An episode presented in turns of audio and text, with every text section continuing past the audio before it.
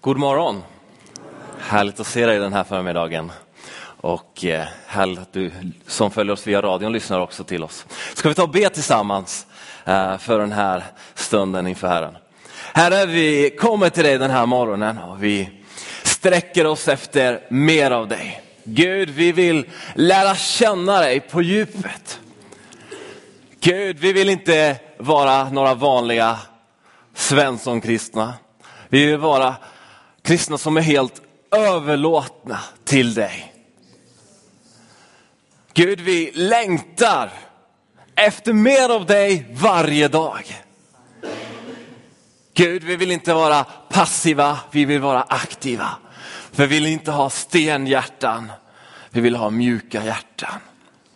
Hjärtan som är fyllda av kärlek, omsorg, som bryr sig om andra människor, som är fyllda av glädje och som längtar efter någonting mera. Någonting starkare än vad människan kan uppnå i sig själv. Och Gud, jag ber för den här stunden just nu. Att du ska komma med den helige Ande, att du ska tala till var och en av oss som är här just nu, som lyssnar. Gud, att du ska förvandla hjärtan, skapa om på nytt, det som behöver skapas om på nytt. Hela det som är brustet. Gud, återupprätta ett helt hjärta. Om det här ber vi dig i Jesu namn. Amen. Amen. Idag så eh, ska jag tala till dig om ett ämne som har valt kallat för hjärtas förnyelse. Eh, och eh, tänkte bara kort informera dig om att det här är del ett av två. Eh, och eh, det handlar idag om ett förnyat hjärta. Och del två kommer handla om att vara avskild för ett syfte. Eh, och med detta så menar vi helgelse, att lära eh, att ta itu med saker i sitt liv för att komma ännu närmare Jesus varje dag. Men idag ska vi tala om ett förnyat hjärta. Och det här med hjärta, eh, jag vet inte om du ser här, några av er ser det kanske. Jag har ett betongblock här med ett hjärta på. Eh, och det här symboliserar ditt hjärta innan du tog emot Jesus i ditt liv. Eh, det var brustet, du visste inte riktigt vilken väg du skulle gå på. Eh, det var inte helt enkelt, det var helt enkelt inte helt. Eh, och sedan så bestämde du för att om det här med Jesus det tror jag på. Och så fick du ett nytt hjärta som ni ser här. Den här, här fina hjärtkudden. Den är mjuk och fin. Eh, och det här hjärtat eh, har lite andra egenskaper än eh, vad det här stenblocket har. Hjärtat, ja ni märker det ganska tydligt här, det är mjukt. Men det har också en liten starkare färg. Har ni lagt märke till det? Om inte så gör ni det nu. Och det har också på något sätt, det känns man, man, man är mer tilltalad av den här hjärtformen än den där. Varför då, tror ni? Ja, den ser lite mer gosvänlig skulle man kunna säga, eller hur? Eh, och efteråt så får du gärna krama om den här om du känner det behovet att, att se den lite närmare. Men vi lämnar den, den bilden lite grann så länge. För det är den här bilden som jag skulle vilja förmedla till dig idag. Om att när vi har en relation med Jesus Kristus, då blir, om man säger så här, andra saker ganska ointressanta. Det är inte så att du slutar att få ett, ett liv, att du tappar, åh nej, måste jag ha, kommer min båt bli ointressant nu, som jag vet är mycket viktigt för en del av oss. Ehm, eller, ska min, eller min hobby, eller min tennisklubb eller någonting annat, blir det oviktigt? Nej, det skulle jag inte vilja påstå. Men det får ett annat ljus. Precis som vi har ljus på den här scenen just nu. Så om vi skulle släcka ljuset så skulle det vi fortfarande, jag skulle fortfarande synas här, men det skulle bli ett annat ljus. Och så är det när vi har Jesus Kristus i vårt hjärta, levande varje dag. Då blir vissa saker inte lika viktiga. Och andra saker som jag tror är närmare Guds hjärta blir viktigare. Då blir frågan som vi ställer oss ibland. Vad ska jag leva för? Vad ska jag satsa på mitt liv? Tydligare. När vi lever nära Jesus, då blir våra livsfrågor mer tydliga. De framkommer mer tydliga. Vi får svaren tydligare. Hjärtats förnyelse handlar om att leva en relation med Jesus varje dag. Inte bara en gång i veckan eller två, utan varje dag. En människa som lever under ett ständigt förnyelse av sitt hjärta, som handlar om relation med vår skapare. En människa som lever alltid i den här förnyelsen, söker inte förnyelse. Den lever i den varje dag. En människa som är uppfylld av den helige ande söker inte tillfredsställa sina begär på andra sätt än att bara komma till Gud.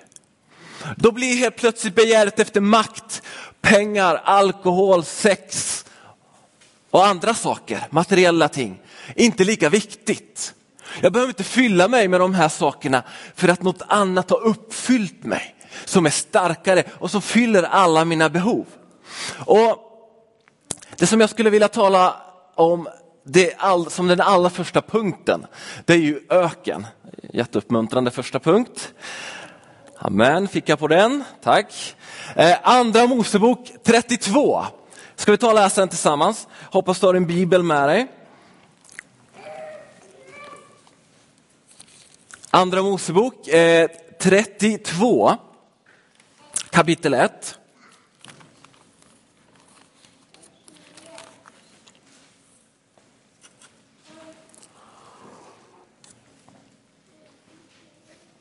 Andra Moseboken kapitel 32 och vers 1.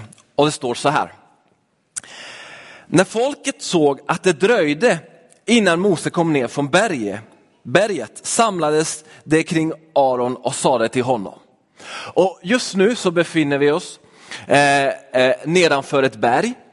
Eh, och ni kan föreställa er det här nu att eh, eh, Gud utväljer ett folk, ett speciellt folk kallas för Israel.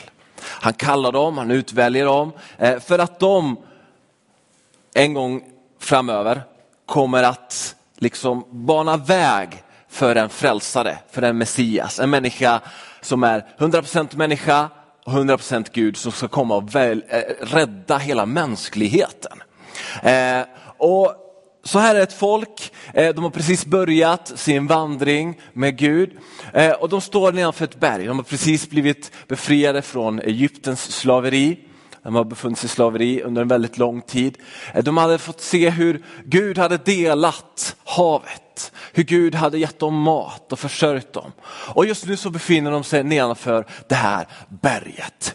Eh, och Mose deras ledare, hade gått upp för detta berg och var nu med Gud och skulle få någonting från honom.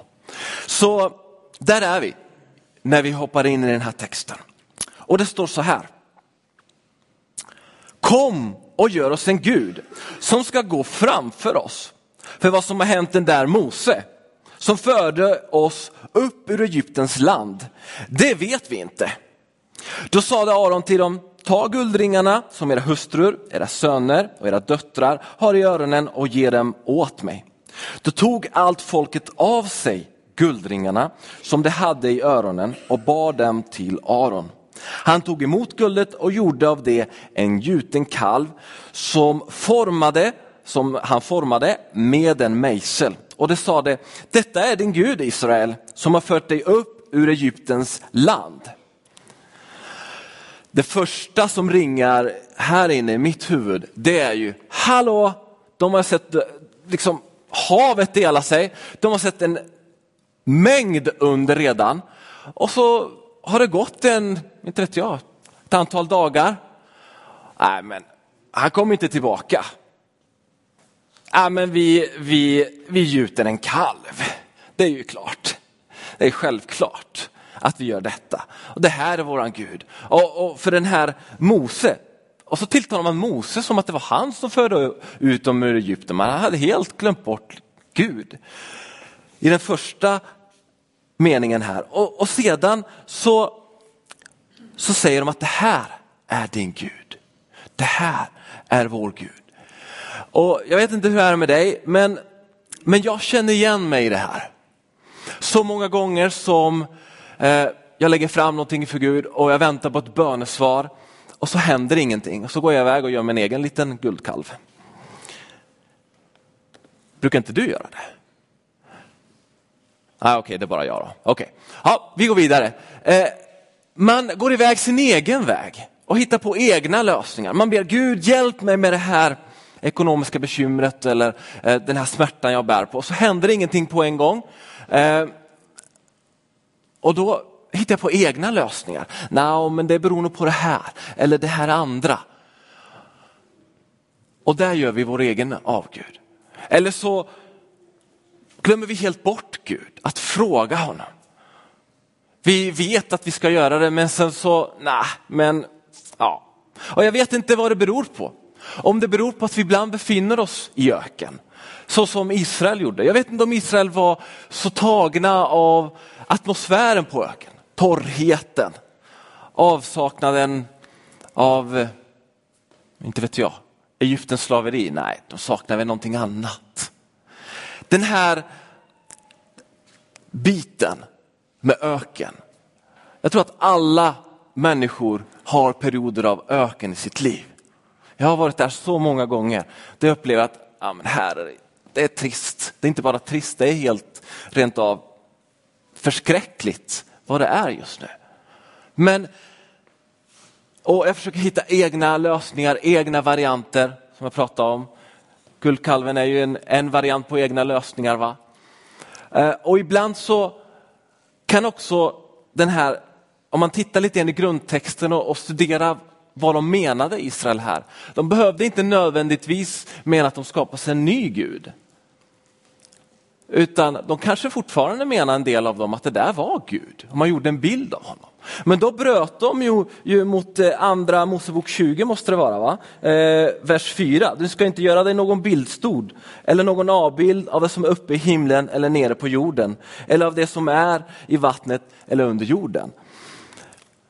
Alltså, vi ska inte göra någon annan bild av den Gud är. Det är lika fel. Så det finns en, eh, två sidor av samma mynt här.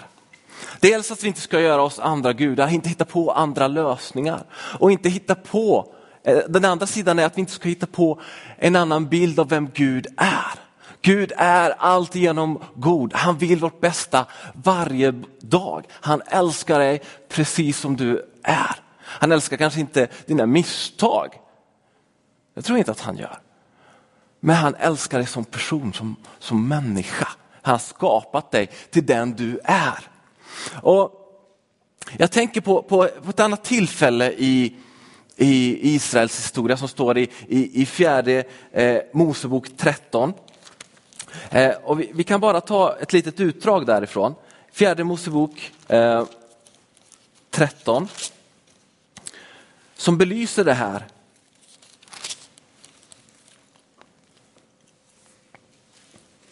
Och man sände ut eh, spejare för att spana in det nya landet, det förlovade landet. Um, och Det som är intressant här att de, de drar iväg, de spanar in landet under en månads tid, kommer sen tillbaka och man rapporterar på lite olika sätt.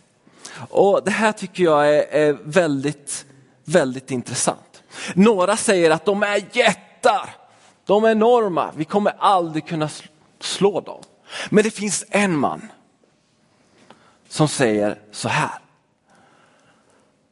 Men Kaleb lugnade folket inför Mose och sa, låt oss genast dra dit upp och inta landet. Sannerligen, vi kan göra det. En man reste sig upp och sa, hallå, vad säger ni för någonting? Vi kan ta dem. Men så var det några andra med honom och sa nej det är omöjligt, vi kan inte göra det här.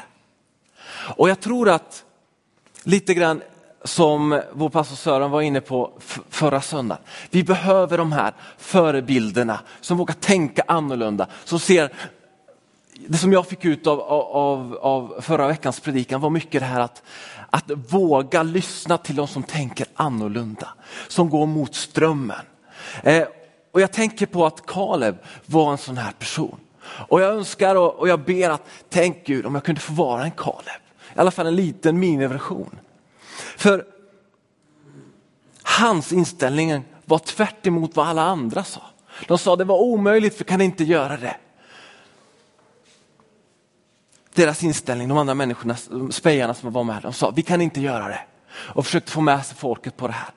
Men hans inställning var tvärt emot. Vi kan göra det. Och det måste vi ta till oss tror jag i våra liv. När alla omständigheter, kanske vår egen familj, våra vänner säger det är omöjligt, så kan du tala ut, ingenting är omöjligt för Gud. Jag kan övervinna alla omständigheter i mitt liv.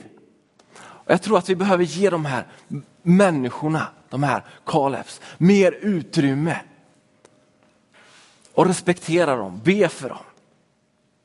Och jag jag tycker att det finns ett annat bibelord i, som står i Romarbrevet 5 och 2 som belyser detta. Den här, den här inställningen vi behöver ha för att ha ett förnyat hjärta varje dag. Och Det står i Romarbrevet 5 och 2 så här. Genom honom har vi nu också tillträde till den nåd vi nu står i. Och vi jublar om, vi jublar i till och med står det och vi jublar i hoppet om Guds härlighet. Tack syster, ett amen i alla fall. Jag tar det igen. Genom honom har vi också tillträde till den nåd som vi nu står i och vi jublar i hoppet om Guds härlighet. Jag blir ju glad när jag läser detta. För det finns en så stor hemlighet i det här. Det är inte upp till mig själv, jag ska inte prestera. I OS så var det upp till löparna vid ett 100 meterslopp att komma till mål. Eller hur? Det var de som skulle prestera. Men i vår löpning, i livets lopp, så är det inte bara upp till oss själva. Det är upp till oss, det är upp till vår Gud och Gud bor i dig. Om du tror på Jesus så bor Gud i dig och då löper inte du själv. Allt förmår jag i honom som ger mig kraft. Bra, nu börjar ni vakna också. Alltså det finns en stor hemlighet i detta. Och det här som har tagit tag i mig. Att om jag vill leva ett heligt liv, om jag vill få någon slags förändring i min vardag, bland mina vänner, bland, i min familj. Och vad, vad är det för förändring jag talar om? Om jag vill se mina egna problem, det som jag kämpar med. Om jag vill se människor bli friska. De menar att hemligheten ligger i att erkänna mitt beroendeskap till Jesus Kristus eller hur? Det är där hemligheten ligger i. Att det inte är jag som ska prestera, det är ju Jesus. Och det tycker jag är väldigt skönt. Jag älskar det faktum att en gång för alla dog Jesus på korset. Ett sånt kors. För mig, för dig. Varför? För att du inte skulle behöva stå ensam. För att du inte skulle behöva ha ett hjärta av sten utan ha ett mjukt hjärta. Ett hjärta som kan älska alla människor. Ett hjärta som inte behöver åstadkomma någonting i sig själv. Utan kan leva i en nära relation med skaparen. Så som det var menat att vara. Det här leder oss till nästa punkt. För Moses gick upp på ett berg. Han gick upp dit för att höra Gud tala. Och senare kom han också att komma ner och se vad som hände med folket. Tillrättavisa folket och sedan gå upp igen på berget för att vara med Gud. Han var en tid på berget och sedan gick han också ner. Och vi ska först gå, tala om just det här med att komma upp på berget. För Jag tror att det finns en viktig hemlighet här. Vi behöver gå upp på ett berg, du och jag. Sen om din, ditt berg heter sovrum, garderob, källare, skogspromenad eller något annat så spelar det ingen roll. Vi behöver alla gå upp till berget, alltså komma inför Gud och säga Gud, här är jag. Jag vill umgås med dig, jag vill höra dig tala. Men vi väntar i tre minuter och blir upprörda att vi inte har fått våran McFeast deluxe. Och går fram till kassan och klagar, vad håller du på med? Och tjejen står och skakar, förlåt. McDonalds här för ett par veckor sedan. En eh, 15-årig kille går fram och, vart är min hamburgare? Liksom så här. Vart är den? Och jätteupprörd och så, jättearg och sådär. Den skulle ha kommit för, för, för, en minut sedan ungefär. Ja, men, ja, nu hade den dröjt kanske fyra, fem minuter och sånt där. Och det tyckte han var extremt lång tid. Jag ska ha den nu. Och den här mentaliteten av snabb mat, mikromat, snabb kaffe tar vi med oss när vi kommer till berget. Och så står vi där på våra knän. Nu, står jag, nu är jag faktiskt på knä Gud den här gången. Jag sitter inte bara. Nu går jag på knä. Ja, det hände ingenting. Jag går iväg och gör min lilla kalv här. Hitta på egna lösningar. Jesus sa jag kommer snart. Det har gått 2000 år. Vi väntar fortfarande. Så det här med eh, att vänta finns det ett litet mervärde i. Jag vet inte hur det är med dig, men jag väntar ju på att Jesus ska komma tillbaka. Det finns ett stort mervärde i att vänta. Och här finns det en hemlighet. När vi går upp på berget behöver vi inte bara ställa oss där, utan vi behöver också vänta, lyssna in. Gud, vad vill du tala? Men jag är så upptagen av min höga volym som min eh, guldkalvsspelande statyer så att jag inte har tid att lyssna på Gud. Så många gånger så är jag där själv där jag säger Gud, Gud jag behöver det här och det här och det här och det här och det här. Och, det här. och jag pratar hela tiden så jag, han hinner aldrig säga någonting. Inte undra på att jag inte hör någonting. Men det är väl säkert bara jag. Jesus själv gick upp på berget. Många gånger gick han åt sidan, gick upp på berget, bad, ibland en hel natt. Och ibland tog han med sig sina lärjungar. Och om Jesus, Guds son, behövde gå upp på berget för att vara i avskildhet med Gud. Jag tror att du och jag behöver det. Det finns ett, ett, ett ställe i Matteus 17 som vi ska ta och läsa. Som belyser detta på ett särskilt sätt. I Matteus kapitel 17, vers 1.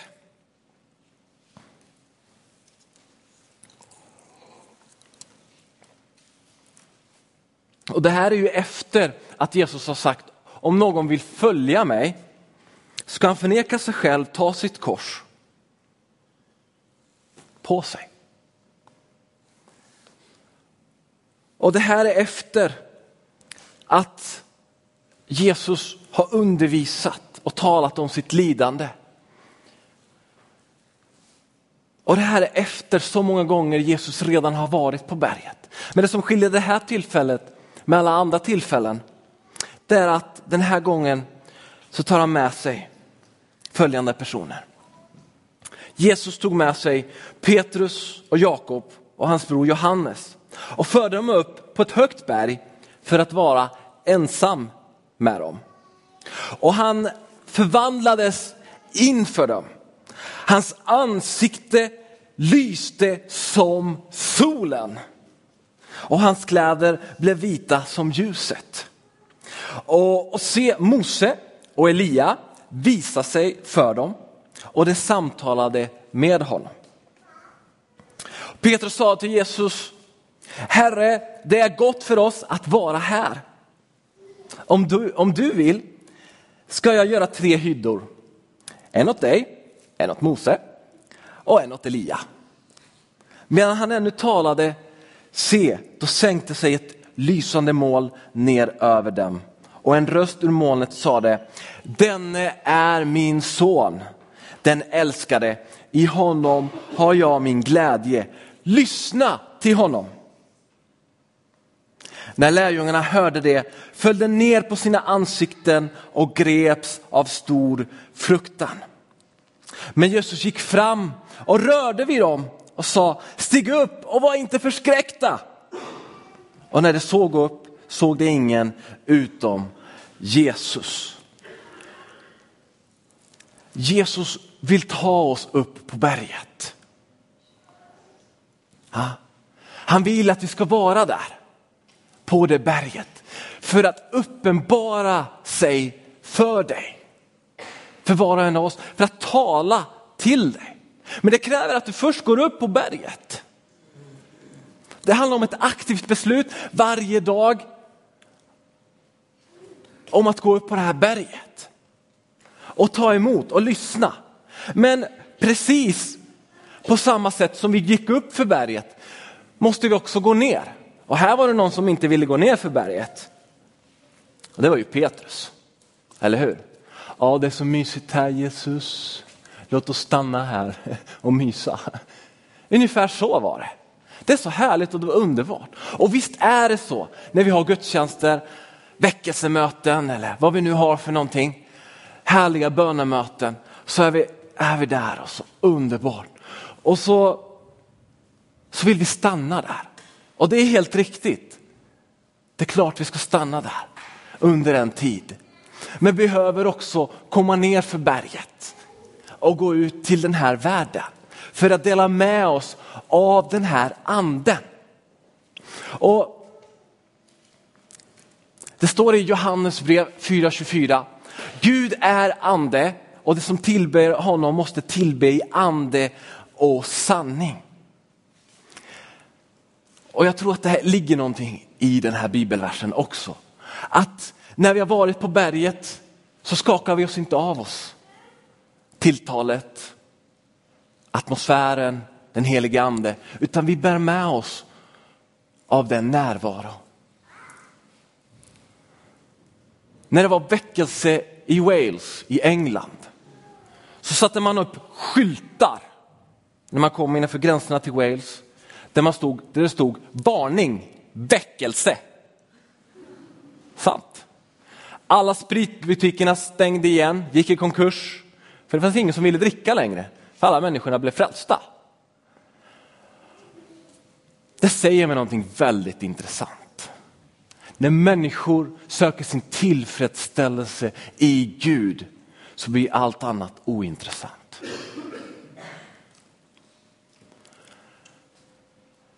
Det var så påtagligt väckelsen i Wales att när du kom genom den här gränsen så pff, upplevde du någonting här. Du kände en närvaro av Gud. Och vi ber många gånger, Gud kommer i en väckelse. Men jag menar att om vi lever nära Jesus, söker förnya vårt hjärta varje dag genom att gå upp på det där berget, böja knä, lyssna, umgås, samtala, bli fyllda av den heliga ande och eld så behöver vi inte be om väckelse. Väckelsen kommer till oss. Är du med? Och väckelse, det är ju ett uppvaknande. Så det är detta vi ber om. Gud, väck ditt folk. Och det är det här som är min längtan. Gud, väck mig i mitt liv. Jag vet inte hur det står till med, med ditt liv, men jag längtar att Gud ska väcka liv i mig. I hela min varelse. Och därför behöver vi också följande. Vi behöver Jesus på insidan. I Hesekiel 36, 26 så står det, jag ska ge er ett nytt hjärta och låta en ny ande komma i er. Och jag ska ta bort stenhjärtat ur er kropp och ge er nytt hjärta av kött. Återigen, Det är detta hjärta som Gud vill ge oss. Ge till oss. Och om vi nästan faller tillbaka några steg och blir passiva och likgiltiga så vill Gud uppliva vår ande. Vakna till liv. I Galaterbrevet kapitel 2 och vers 19 så står det något mycket intressant. Galaterbrevet 2 och 19. Står det så här. Ty jag har genom lagen dött bort från lagen för att jag ska leva för Gud. Jag är korsfäst med Kristus.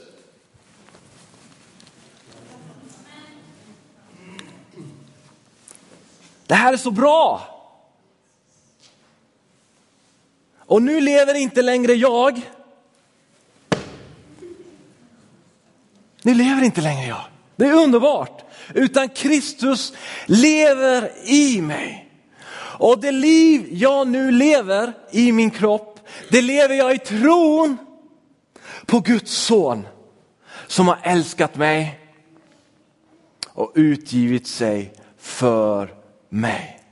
Och jag, uff. Det ligger en sån djup sanning i detta. Ha?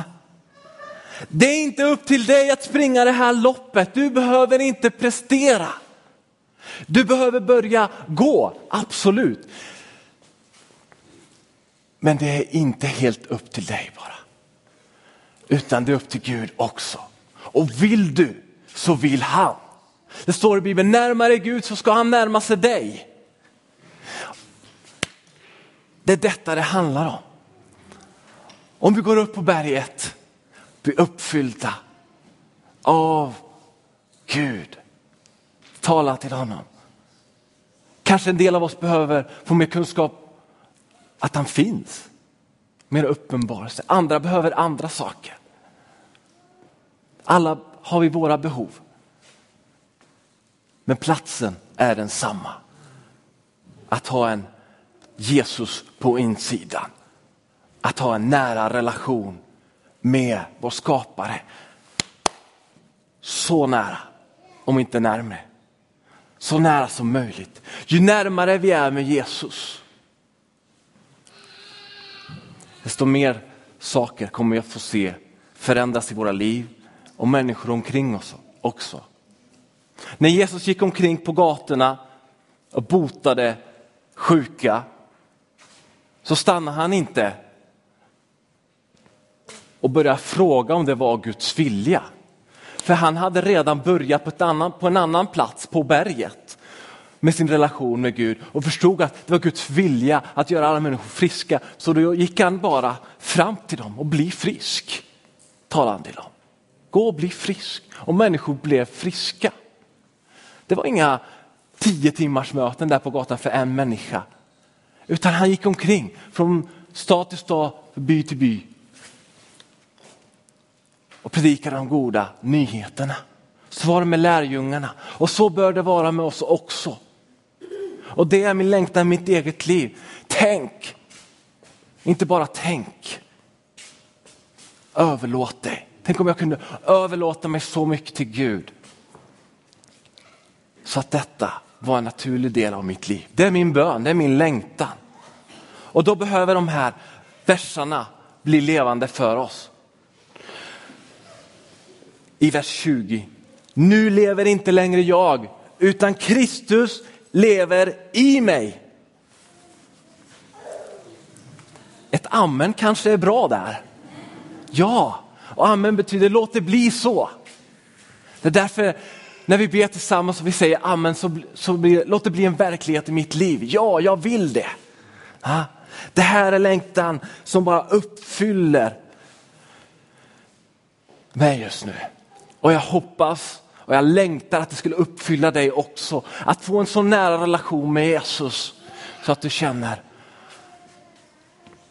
det är det här det handlar om. Det är därför Gud skapar mig. Gud skapar mig för att ha en relation med mig och jag lever i den varje dag. Och jag tror många redan gör det, men jag tror att vi kan komma längre, närmare. Jag kommer ihåg min farfar är, är en av mina största förebilder. Jag kunde komma hem till honom och plinga på. Han hade råkat somna till i soffan. Uh, och så sa han, ah, du vet jag har haft en dröm, förstår du. Så berättade han sin dröm och, och, och berättade, ah, du vet jag får så många uppslag till predikningar och så. Här. Han var ingen predikant eller så. Men och jag, jag känner Gud är så nära just nu. Det ska bli så underbart att få komma till himlen och dela den gemenskapen. Och som tonåring så tyckte man, ja, ja, det var väl lite koko kanske. Så kan du väl inte säga farfar. Och idag så ångrar jag att jag tänkte så. Jag beundrar honom för det. Wow, vilken förebild! Även när han vilade sig och råkade somna framför tvn så kunde han vakna upp och, och känna, tack Jesus. Det är en stark förebild för mig. Jesus är en stark förebild för mig. När detta, när den här insikten träffade mig, att nu lever inte längre jag utan Kristus lever i mig. Allt förmår den som tror. Så det enda som krävs av oss är att vi ska tro. Inte prestera, inte hur många gånger du ber per dag, inte hur länge, inte på hur många gudstjänster du går, utan att du tror på Jesus Kristus. Ska vi ta och stå upp tillsammans? Om du har möjlighet till det. Om du upplevde att det här budskapet talar till dig skulle jag vilja inbjuda dig att gensvara på den här predikan. Om du upplever, Gud, jag behöver förnyelse i mitt hjärta. Gud, jag behöver att du förvandlar mitt liv. Jag vill ha en nära relation med dig idag. Jag vill inte vänta tills imorgon eller nästa vecka eller tills när det blir kris i mitt liv. För även om allting känns bra så tror jag att det är lätt att vi glömmer bort Gud när allting är bra. Vi behöver Gud då också. Så om du vill gensvara på det här ska jag vilja bjuda in dig att, att be tillsammans med mig, att sträcka dig efter honom.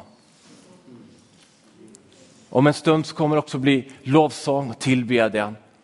Och du som känner att jag skulle behöva särskild förbön för helande eller, eller något annat, eller mer glädje i ditt liv, kanske att någon bad för dig över just detta ämne, så kommer du vara välkommen här längst fram på första bänken så vill vi lägga händerna på dig och be för dig. Men just nu, du som upplever att du vill gensvara på den här predikan, be tillsammans med dig. Herre, vi sträcker upp herre, våra händer inför dig Herre och säger, här är vi. Vi vill inte vara likgiltiga. Vi vill inte vara passiva. Vi vill överlåta oss själva till dig just nu. Herre, jag ber att du ska ta emot oss just nu. Herre, förlåt oss våra synder, våra tillkortakommanden, allting här som vi har felat. Och ta emot oss, Herre. Låt oss få börja på nytt med dig. Här och nu där vi står så lyfter vi upp våra händer inför dig och säger Gud, jag vill gensvara. Jag vill gå upp på det här berget, vara inför dig, överlåta mitt liv till dig. Herre, ta emot mig.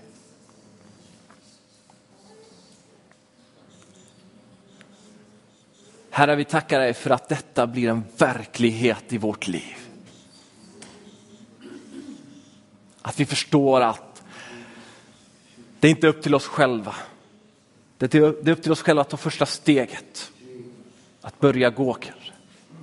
Men att vi kan göra det tillsammans med dig varje dag. Och Herre, jag ber att, att du ska tala till oss varje dag. Att din heliga ande ska vara nära oss, att du ska uppenbara dig, ska komma med syner och drömmar. Jag ska komma med profetiska tilltal rakt in i våra liv. Med vägledning, med ord av kunskap. Tack Jesus för att detta blir ännu starkare verklighet i våra liv varje dag. I Jesu namn. Amen.